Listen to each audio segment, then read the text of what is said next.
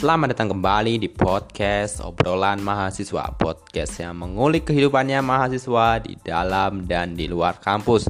Masih bersama saya Maruf Host yang akan selalu menemani perjalanan panjang podcast obrolan mahasiswa. Ini merupakan episode yang ke-8 setelah satu bulan lebih podcast ini berdiri. Hari ini saya akan membahas topik yang hangat akhir-akhir ini di kalangan teman-teman saya yaitu mengenai ke keefektifan kuliah menggunakan sistem daring atau menggunakan sistem jaringan internet. Kalau disuruh memilih ya, disuruh memilih, saya itu lebih memilih tatap, tatap muka secara langsung daripada menggunakan sistem daring. Karena kalau kita menggunakan sistem daring sesuai pengalaman yang sudah saya alami beberapa minggu terakhir ini, apa yang ingin kita sampaikan itu tidak bisa tersalurkan dengan baik. Terus materi yang disampaikan oleh tenaga pengajar juga tidak tersampaikan dengan baik. Kenapa? Biasanya setiap kadang kan mengirimkan foto. Oke, foto kita bisa baca. Terus tulisan kita juga bisa baca. Video, oke, kita juga bisa lihat. Tapi kendalanya setiap setiap gambar, tulisan, dan video itu kan biasanya nggak lengkap, mesti selalu ada yang ingin kita tanyakan. Dan di situ pada saat saya ingin bertanya, saya kan ada ribet. Saya harus screenshot gambar, saya beri coretan.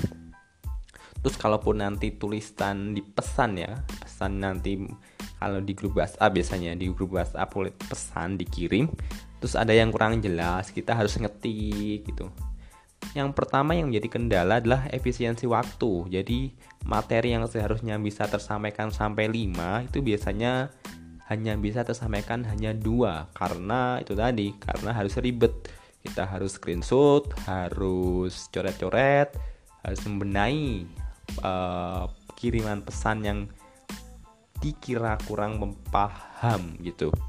Terus juga kalau kelebihan jelas ya, kelebihan kita bisa sedikit hemat ya. Karena tidak perlu berbondong-bondong ke kampus untuk mencari ilmu, di rumah saja sudah bisa mendapatkan pengetahuan. Itu kalau kelebihannya. Oke, saya akan membahas ini beberapa aplikasi selanjutnya, beberapa aplikasi yang memang digunakan oleh kalangan mahasiswa maupun tenaga pendidik untuk mengajar, untuk menyampaikan materi-materi yang pertama yang sudah umum dan lazim adalah WhatsApp. WhatsApp ini memang sangat mudah, aplikasi chatting ini memang sangat mudah sekali. E, beragam fungsi, sangat simpel. Biasanya ada beberapa dosen saya yang menggunakan aplikasi, aplikasi ini untuk menggunakan sistem perkuliahan secara online. Dari kendala yang saya alami, WhatsApp ini kan hanya bisa digunakan untuk panggilan video maksimal 4 jadi kalau dalam satu kelas itu lebih dari 4 ya jelas panggilan video nggak akan bisa. Masa ya harus milih-milih tiga, tiga mahasiswa ini dan satu mengajarkan nggak mungkin. Nggak adil namanya. Jadi kendalanya yang di WhatsApp adalah video. Kalau masalah pesan jelas cepat simple. Ada voice note juga bisa. Kalau WhatsApp itu simple tapi nggak bisa menggunakan aplikasi yang saya panggilan video. Terus yang kedua adalah Google Classroom. Google Classroom ini memang didesain untuk menjadi sebuah ruang kelas, namun masih ada saja beberapa kekurangan yang mungkin bisa menjadi advice, menjadi saran bagi Google untuk memperbaikinya dan dapat berfungsi secara maksimal di masa yang akan datang seperti tidak adanya fitur panggilan video terus bagaimana pesan yang dikirimnya itu agak terlambat ya. Jadi kalau di aplikasi Google Classroom pada saat kita ingin melihat pesan baru yang baru dikirim oleh teman yang lain maupun dosen itu kita harus rajin-rajin merefresh halaman. Kalau tidak begitu pesan yang baru dikirim tidak akan terlihat sering kejadian bahwa loh nggak ada pesan nih. Itu saya refresh oh ternyata banyak. Karena itu tadi kelemahannya di situ pesan yang paling terlihat. Terus juga belum tersedia panggilan video. Kalau di Google Classroom ini ada kelebihan nih yaitu ketika kita dikirim sebuah dokumen kita tidak perlu menggunakan aplikasi pihak ketiga Biasanya kalau menggunakan WhatsApp, semisal kita menggunakan, mau saya membuka file PowerPoint, kita harus mempunyai aplikasi yang dapat membuka file PowerPoint. Tapi kalau di aplikasi Google Classroom tidak. Kita sudah bisa menggunakan membuka PowerPoint, membuka file PDF tanpa harus menggunakan pihak ketiga. Itu tadi aplikasi yang kedua yaitu Google Classroom yang kedua maksud saya yang kedua Google Classroom. Terus yang ketiga adalah ini yang memang sangat banyak digunakan ya. Itu aplikasi Zoom. Zoom memang melejit namanya akhir-akhir ini setelah efek pandemi COVID-19 aplikasi ini sangat banyak digunakan. Mulai dari karyawan, pekerja kantoran, mahasiswa, dosen, untuk rapat, untuk diskusi banyak sekali Zoom ini. Zoom ini lebih menekankan penggunaan aplikasi menggunakan video. Jadi Zoom ini menekankan kita menggunakan video. Tidak seperti dua yang awal tadi WhatsApp dan Google Classroom, tapi Zoom ini video. Maksimal saya dapat kabar karena saya belum pernah menggunakan belum pernah menjadi host di aplikasi Zoom ini ya maksimal 40 wah lumayan kalau 40 itu dapat menampung satu kelas ya. Satu ruangan kelas mahasiswa yang biasanya mengajar tatap muka langsung di kampus langsung diarahkan di Zoom. Itu pas. Nanti sebagai dosen sebagai pemantik terus wah pas kalau menggunakan video. Kalau kelemahannya ya jelas ya untuk kan memang aplikasi Zoom ini memang disediakan untuk video conference. Jadi pada saat nanti mengirim pesan berupa tulisan terus juga berupa file kan jelas gak bisa. Karena ini memang didesain untuk video conference. Terus yang terakhir adalah Skype. Skype memang aplikasi yang beberapa tahun yang lalu memang sempat booming memang digunakan untuk panggilan video. Skype sebelum WhatsApp terjun bebas dan lang-lang buana memasuki pasaran.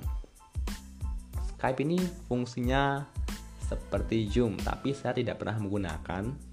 Kalau yang beredar ini dapat uh, digunakan dengan beberapa orang ini aplikasi Skype ini. Jadi kita dapat terhubung dengan orang lain dengan jumlah berapa ya? 10 lebih bisa Skype. Dari berapa empat aplikasi tersebut yang sering digunakan ya.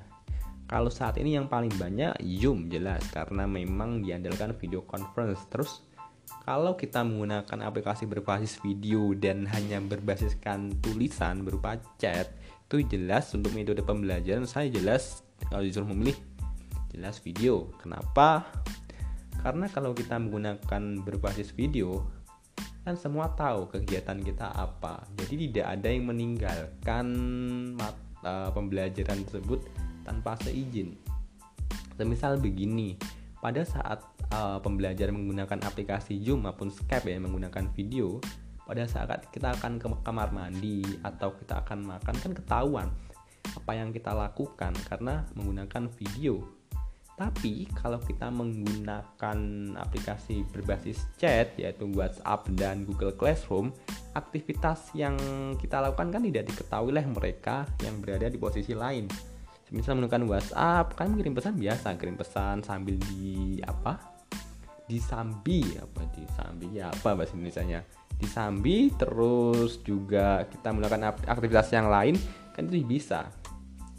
Misal kita mengirim pesan ya kita mengirim pesan terus kita maaf ada sedikit gangguan sinyal terus gini ya. Apabila kita menggunakan WhatsApp ataupun Google Classroom kan orang lain tidak mengetahui apa kegiatan yang sedang kita lakukan. Misal saya mengirim pesan ya mengirim pesan mengajak. Ada semacam pemantikan diskusi terus HP saya saat tinggal terus saya tinggal ke kamar mandi atau ke mana kan nggak tahu.